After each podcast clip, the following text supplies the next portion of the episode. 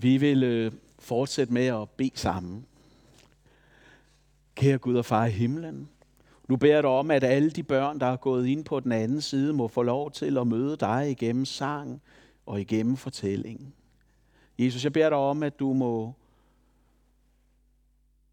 må røre dem på en helt unik måde, så deres hjerte kommer i brand. Og Jesus, vi beder om det samme for os. Vi beder dig om, at de her ord, vi nu skal være sammen om, som er talt for lang tid siden, stadigvæk må have en genklang og en relevans ind i vores liv. Og Jesus, du ved, der kan være så mange ting, der forstyrrer og larmer og distraherer ind i vores sind. Jesus, du ved, der er en, der ikke vil, at vi skal høre. Så nu beder jeg dig om, at du må komme med din ånd og skabe fred i vores sind. Lad vores tanker finde ro, så vores hjerte kan blive åbent og tage imod alt det, som du vil give os. Kom og vær os nær, Herre. Udgyd nådens og bøndens ånd over os. Amen. Se, det vi skal være sammen om i dag, det er jo afslutningen af Zakarias' bog. Vi sluttede i kapitel 8 sidst, og det vil sige, at vi har 9-14 foran os nu. Det bliver ikke vers for vers.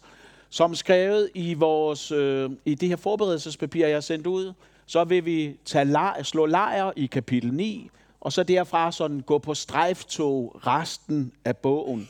Og det starter om lidt. Sådan. Vi starter med at læse Zakarias' bog, kapitel 9, vers 9, og så resten af kapitlet. Og der står sådan her, det er på side 847, hvis man har en bibel ligesom min, og ellers så er det op på, øh, på skærmen også. Og Carsten, vil du hakke videre, når jeg bare læser? Tak skal du have. Bryd ud i jubel, Sions datter. Råb af frud, Jerusalems datter. Se, din konge kommer til dig, retfærdig og sejrig, sagt modig, ridende på et æsel, på et æselshoppes føl. Jeg til intet gør vogne i Efraim og hestene i Jerusalem. Krigsbuerne skal til intet gøres.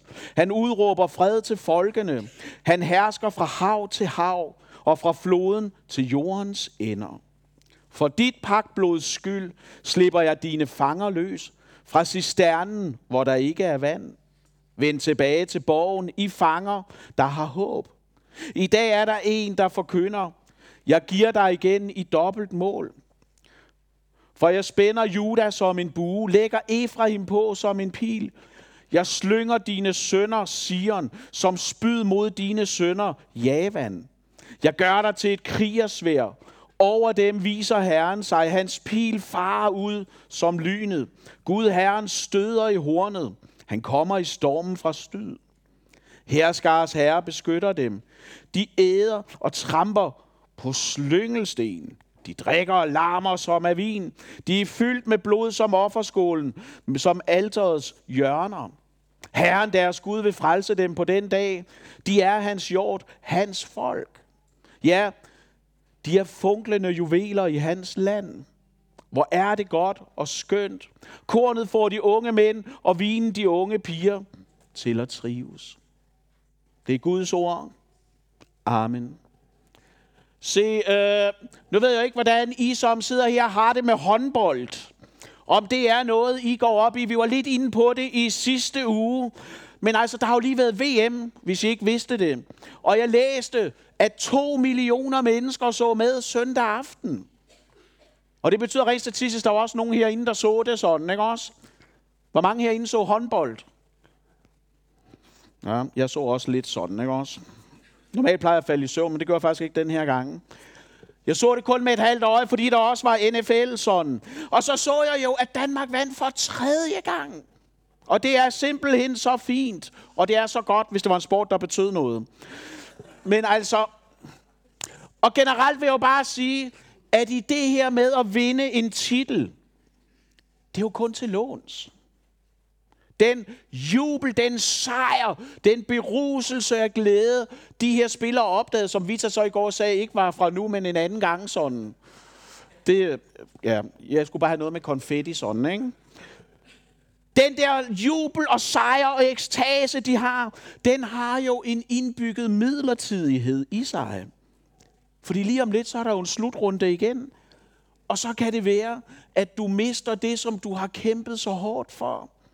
At det, der var dit, kun var det et kort øjeblik, før du måtte aflevere det igen til en, der var stærkere, en, der var dygtigere, en, der var bedre. Og det er jo ikke noget nyt. Når romerne, de drog igennem Rom, når kejser og herfører, de holdt de der store sejrsparader i Rom, så stod der jo altid en bag ved dem og viskede, memento mori, memento mori. Husk døden. Sådan underforstået, du må gerne nyde det nu, du må gerne være til stede i nuet, men du skal bare vide, det er flygtigt, det er midlertidigt. Så de ikke mistede jordforbindelsen. Så de ikke mistede sådan berøring med hverdagen og troede dem selv som værende små guder. Og se, når vi starter her i dag, hvor vi nu afrunder Zakarias, så er det jo fordi, at det Zakarias' bog munder ud i, det er jo en proklamation af Guds sejr. Og den er der ikke noget midlertidigt over. Guds sejr, den skal være evig, og der vil aldrig være nogen eller noget, der kan tage den fra ham. Vi, der sidder her, vi aner ikke, hvornår verdenshistorien ender. Men vi ved, hvem der vinder. Og det gør vores Gud, det gør ham, vi må kalde far, fordi, siger Zacharias til os i dag, han er sejrig og samtidig sagt modig.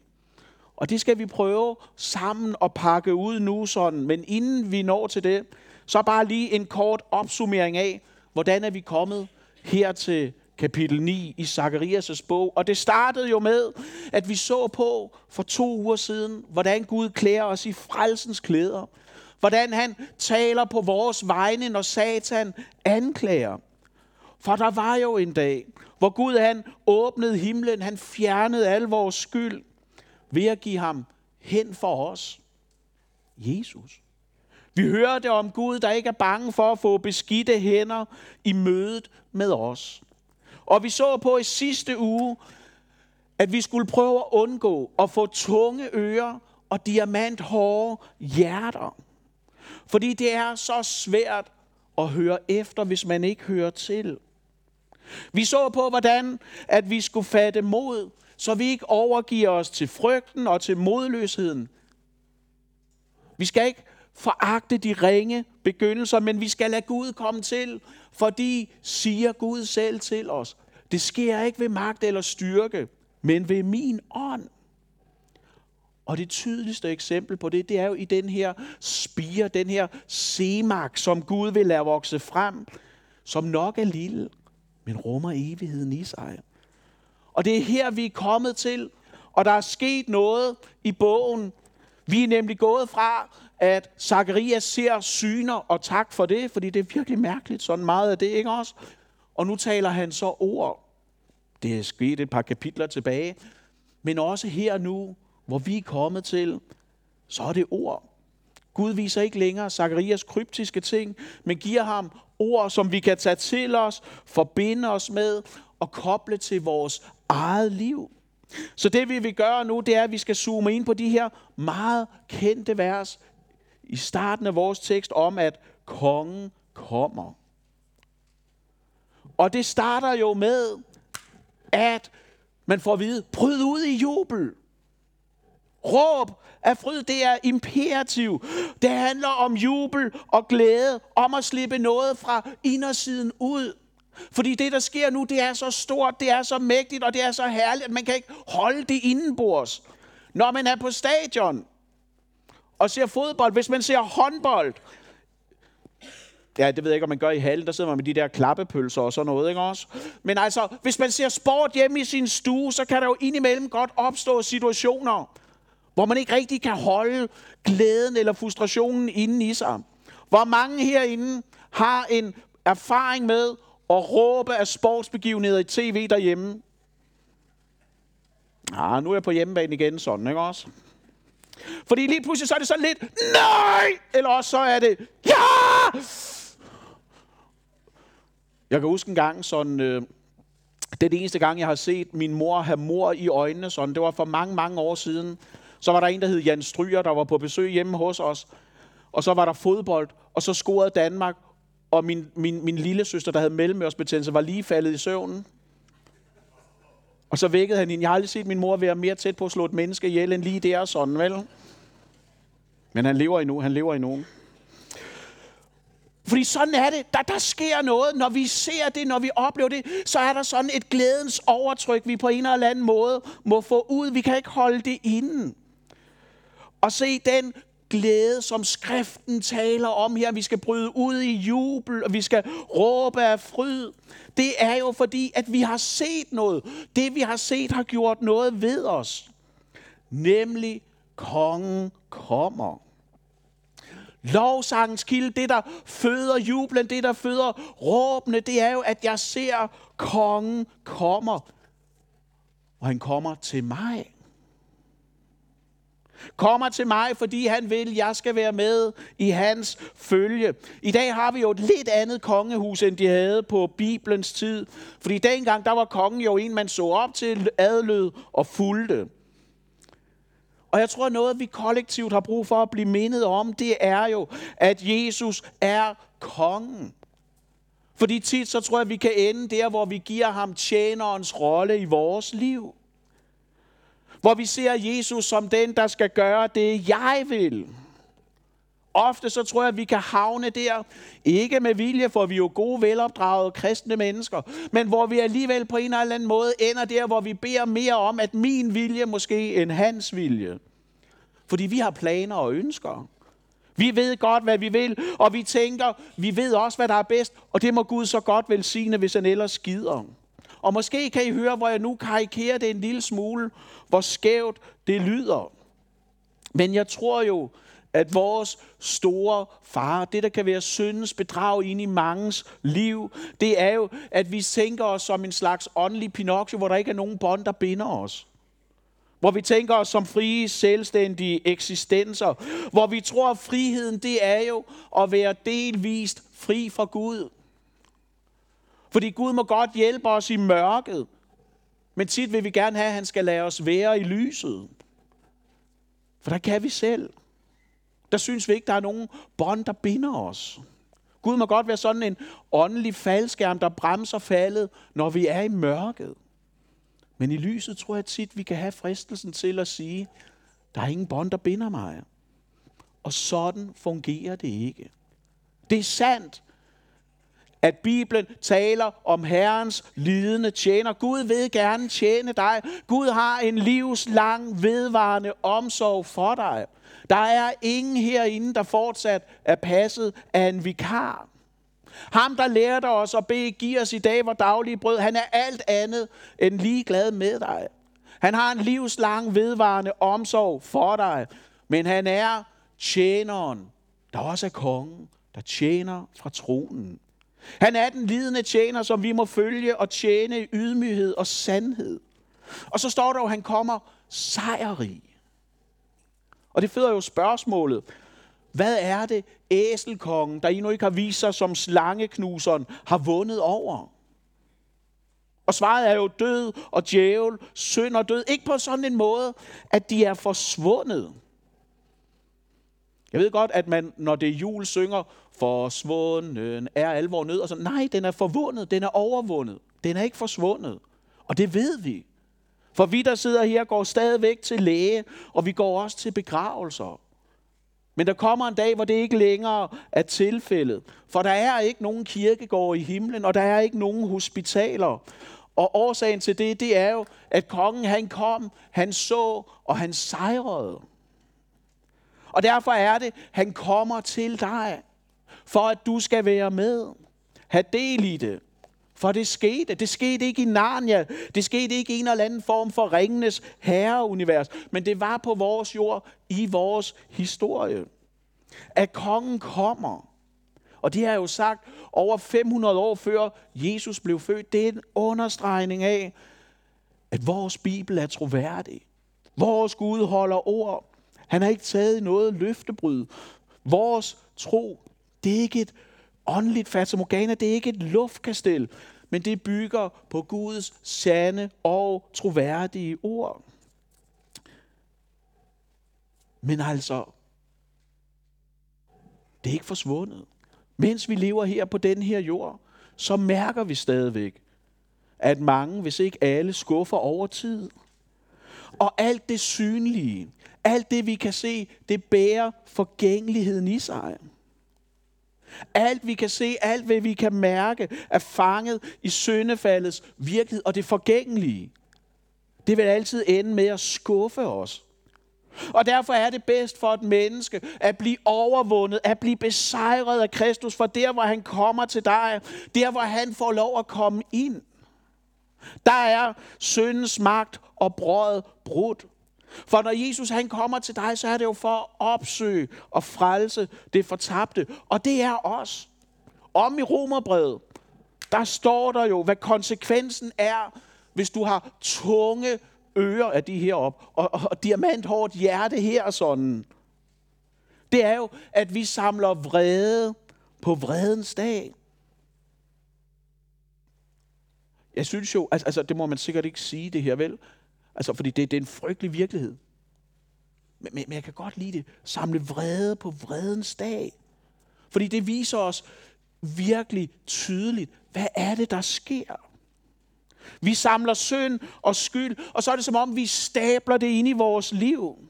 Fordi som vi har set igennem mange profeter, det er jo den 11. lille profet, vi går igennem, så har troet folket, og nok også os i dag, i vores samtid, at du kan leve uden for Guds lov, uden konsekvenser.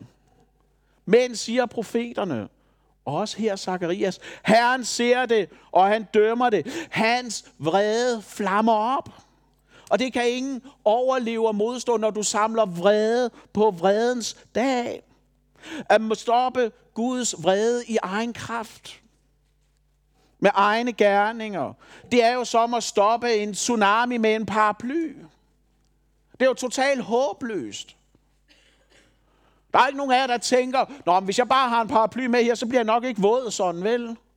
Så er jeg skærmet, så er jeg sikker. Det er, det er jo det er håbløst.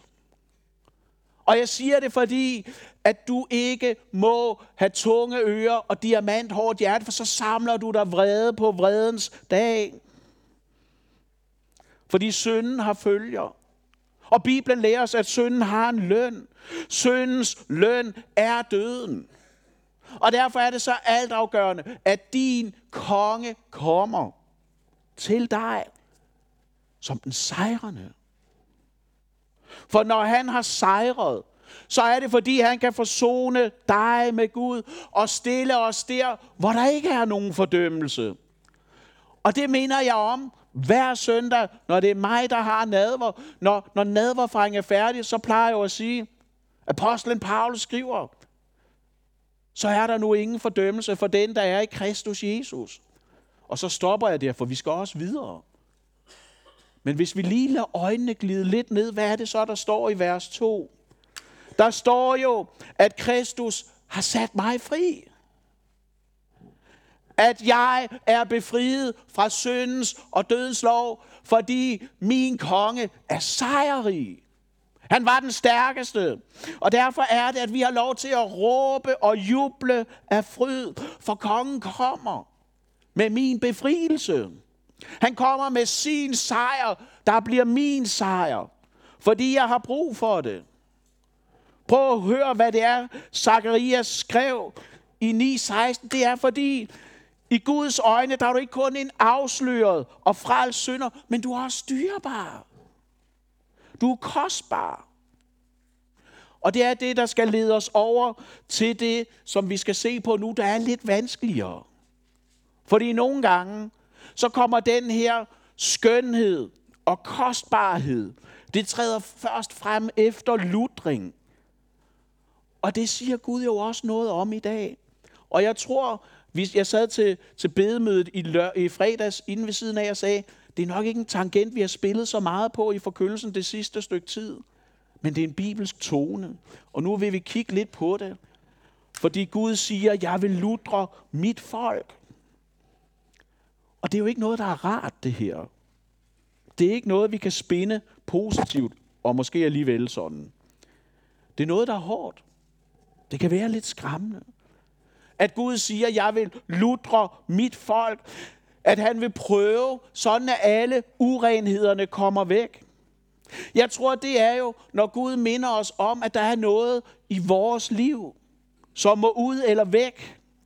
Noget, som vi ikke vil give slip på, fordi i ludringen, der opdager vi, at vi er bundet til noget, som vi egentlig troede, vi var fri fra. Og derfor taler Gud om at lytte, sådan at vi påkalder ham i prøvelsen og ludringen. Fordi nogle gange, så tror jeg, at vores påkaldelse af Gud, det er i virkeligheden et nødskrig.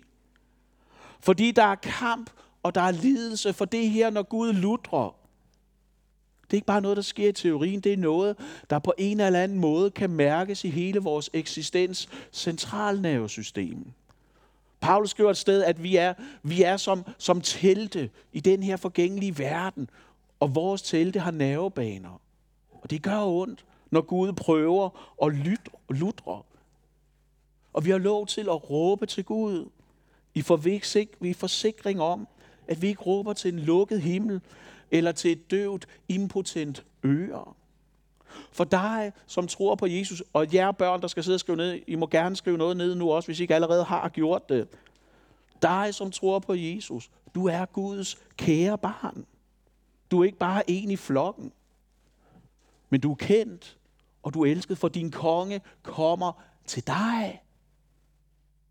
Den enkelte. Når Gud lutrer, så er det jo fordi, som vi så på i sidste uge, meget tit så kan vi havne der, hvor vi skaber os en Gud i eget billede. Og derfor er det, at Gud prøver os, for at Jesus skal stå klart og tydeligt for os, som den eneste, den helligste og den reneste for vores sjæl.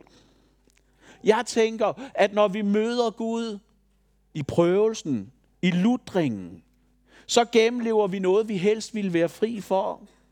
Noget, vi gerne ville undgå. Og tanken kan jo melde sig hos os. Må, må Gud have faldet i søvn? Eller har Gud overset mig? Det kan godt være, at jeg ved, at Gud findes, men, men ved Gud, jeg er her? Har Gud set mig, kan man tænke. Og Bibelen siger, at din konge kommer til dig. For du er ikke overset. Gud er ikke faldet i søvn. Gud ser din smerte, Gud ser din fortvivlelse. Og Bibelen råber jo med et kæmpe brøl, det er fuldbragt. Du er ikke glemt, din konge kommer. Du er ikke glædet ud af Guds hånd.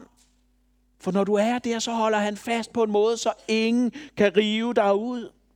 Prøvelserne, de er jo ikke gode i sig selv, men Paulus han skriver noget om, hvad de fører til, som tæller. Nemlig at føre os tættere og nærmere til Gud. Prøv at se, hvad Paulus skriver.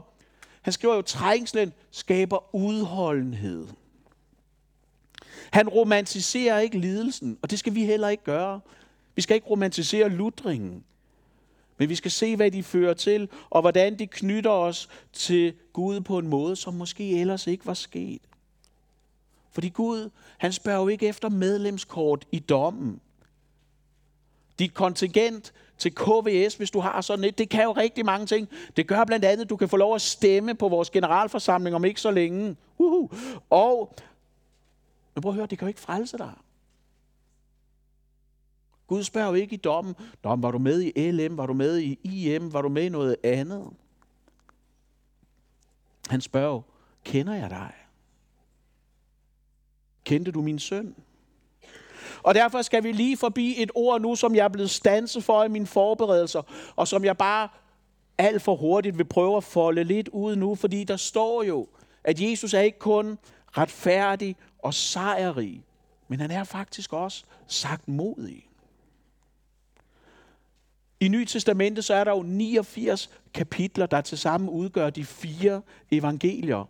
Og der er i de fire evangelier kun et sted, hvor Jesus taler om sig selv og sit hjerte. Og det er i Matthæus 11, 29 nogle meget, meget kendte vers, fordi det handler om det her med at bære byrder og dele byrder med Jesus. Hvad betyder det for os, at Jesus han er sagt modig og ydmyg af hjertet? Og børn, nu må I gerne skrive noget ned igen. Sådan, jeg ved godt, det ikke er børn, det er unge og sådan, men ja, jeg kender også konfirmanderne børn. Det, at Jesus er sagt mod, det betyder kort sagt på kort formel, at Jesus er ikke imod dig, men for dig. At Jesus han kom ridende på æslet for at frelse. Og det betyder, at Jesu mest naturlige kropsholdning, det er ikke en anklaget finger, men det er åbne arme. Jesus kom for at frelse. Hjertet i bibelsk forstand, det er jo ikke bare en, en del af os, det er ikke bare et organ sådan blandt alle andre, det er jo selve kernen i, hvem er vi? Det, der definerer os, det, der styrer os. Og Jesus siger, når han skal beskrive sig selv, jeg har sagt modig. Jeg er tilgængelig. Jesus han siger, han siger, kom. I Gamle Testamente, der har vi lige siden pinsedag set på, hvordan der var en kontrast imellem Gud, der i Gamle Testamente advarede folket om at komme nær. For det var livsfarligt at komme Gud nær. Moses ville gerne se Gud, det kunne han ikke. Han blev, han, han, han blev skærmet af en hånd. Esajas tænkte, da han så Gud, nu er det ude med mig. Vi har set på, hvordan folket ved Sinai fik at vide, hvis I rører bjerget, kaput. Vi har set kontrasten imellem, at Gud siger, pas på, hold afstand. Og så til Jesus siger, kom. Kom og vær mig nær. Og nu må jeg gerne skrive noget ned igen. For at være sammen med dig, det er en hjertesag for Jesus. Og det vil det altid være. Jesus kan ikke ændre det her mere, end vi kan ændre vores egen øjenfarve. Det er umuligt. Med andre ord så er den sagt modig konge alt det, vi behøver. For vores Gud, han er den sejrige æselrider og slangeknuser, som kommer dig nær. Så du kan se ham og følge efter, fordi han er opstået til retfærdighed for dig. Det du ikke har i dig selv, det har du i Kristus. Og derfor vil vi være dem med de larmende bibler, fordi vi ikke vil skabe os en Gud i vores eget billede, men vi vil sættes fri af ham, der viser os Gud som hellig og sagt modig på samme tid. Det er det første, og nok også det længste, vi skal have med os i dag. Sådan. Men der var lige to ting mere, vi skal forbi, ikke også? Og det handler om Gud som hyrde. For folket, de havde jo besluttet sig for at søge lykken uden om deres hyrder. Og dermed så havde de svigtet den store hyrde. Og Guds vrede var flammet op. Vi hører, hvordan den dårlige hyrde gør det stik modsatte af det, som Gud selv siger, han vil gøre i Ezekiel 34. Jeg ved ikke, om I havde tid til at læse det i weekenden, i forberedelsespapiret, men jeg har prøvet her efter bedste evne at se, hvad er det, Gud lover? Hvad er det, Gud vil? Når Jesus i Nye Testamente, Johannes evangeliet kapitel 10, siger, jeg er den gode hyrde. Hvad indebærer det? Det indebærer, at Jesus vil alt det her. Det indebærer, at Jesus vil alt det her også i dit liv for dig.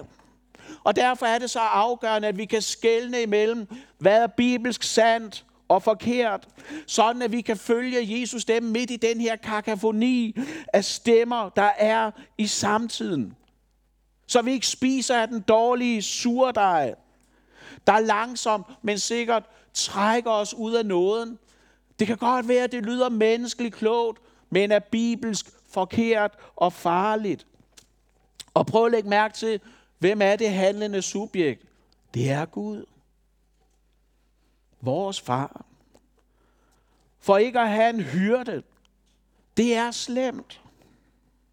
Fordi man er udsat, og fordi du ikke har noget forsvar, også imod dem, der kommer som forklædte ulve. At læse kapitel 11 her i Zakarias' bog, det minder jo ekstremt meget om, hvad det er, Jesus han ser, når han kigger ud over skaren i Matthæus 9. Og han siger, at de var forkommende. De var som får uden hørte. Og det gjorde noget ved Jesus. Det rørte hans hjerte. Og det Jesus siger, det er, det må vi handle på. Det må vi gøre noget ved. Og det du skal gøre, det er at bede høstens herre. Vi skal bede om vækkelse. For bøn om vækkelse, det er en bøn efter Guds eget hjerte, som Gud vil høre og svare på, ved at udgive nådens og bøndens ånd.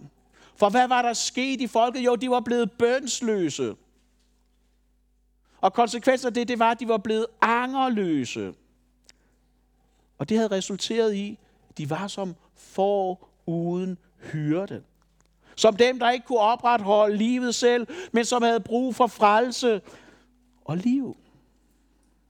For prøv at høre.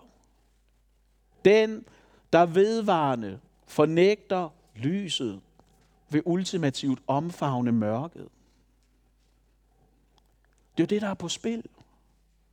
Den, der vedvarende fornægter lyset, vil ultimativt omfavne mørket. Derfor er det, at Jesus kommer og identificerer sig som den gode hyrde, for at forsikre dig om, der sidder her i dag, du er ikke passet af en vikar men af Herren selv, så du kan vandre i hans navn, for han er vores styrke. Gud længes jo efter fællesskabet med dig, med den guddommelige kærligheds længsel. Og det er ikke bare noget, Gud siger nu, for allerede før verden var grundlagt, var du i Kristus udvalgt til at være hellig og uden fejl for hans ansigt. Og så kan du sidde her og mærke efter i dig selv og tænke, det bliver jeg aldrig. Det der, det er ikke mig. Det er ikke et signalement af mig. Det er ikke en ærlig beskrivelse af, hvem jeg er. Og det er sandt. Du kan ikke blive, hvad du allerede er. For hvis du tror på Jesus, så er du der, hvor der ikke er nogen fordømmelse, når du er i Kristus. Det er ikke et åndeligt fatamorgana, men bibelsk virkelighed. Fordi vores hyrde blev et slagtet lam. Og det er her, vi ender i dag. Og det gør vi med at se på mm, det her paksblod, som sætter fri. Folket, de var jo lige kommet hjem fra det her fysiske fangenskab i lang flygtighed over ved Babylon. Og nu siger Gud, der er også et andet fangenskab, jeg vil sætte jer fri fra. Noget, som kun blodet kan sætte fri fra. Blodet havde jo ikke nogen indvirkning over på babylonerne, men det har det over for synden og nøden og dommen og døden. Fordi vi er kristne. Vi har et håb. Og vores håb har et navn. Og gennemboret lemmer. Dig, som tror på Jesus, du er jo beskyttet af Gud selv og frelst af ham, for du tilhører ham. Og hvornår skete det så? Det gjorde det i dåben, hvor du blev et Guds barn og renset fra al synd. Derhjemme, der er jeg vaskemester. Jeg vasker det meste tøj, undtagen det, der koster virkelig mange penge. Sådan, ikke? Også det, det, det bliver, der bliver ikke stolet på mig der, vil jeg bare sige. Og det her, det er jo det tætteste, vi kommer på en menneskelig evighedsmaskine, ikke også? Fordi altså, altså man, man tænker så lidt, Nå, men du har jo tre piger, det må være nemt, ikke også? I drømmer ikke om, hvor meget tøj, der kører igennem, sådan, ikke også? Det bliver hele tiden beskidt, det bliver snavset, eller det lugter grimt, eller det ligger på gulvet, når der skal ryddes op, og så, ja, ikke? Og prøv at høre, vi kan jo ikke holde os immune over for det her med snavs. Vi ved, at bare ved at leve i den her verden, så bliver tøjet beskidt, eller kommer til at lugte dårligt. Det klæber til os. Selv hvis vi gik rundt i tilværelsen med en beskyttelsestrak, så vil du stadigvæk være beskidt.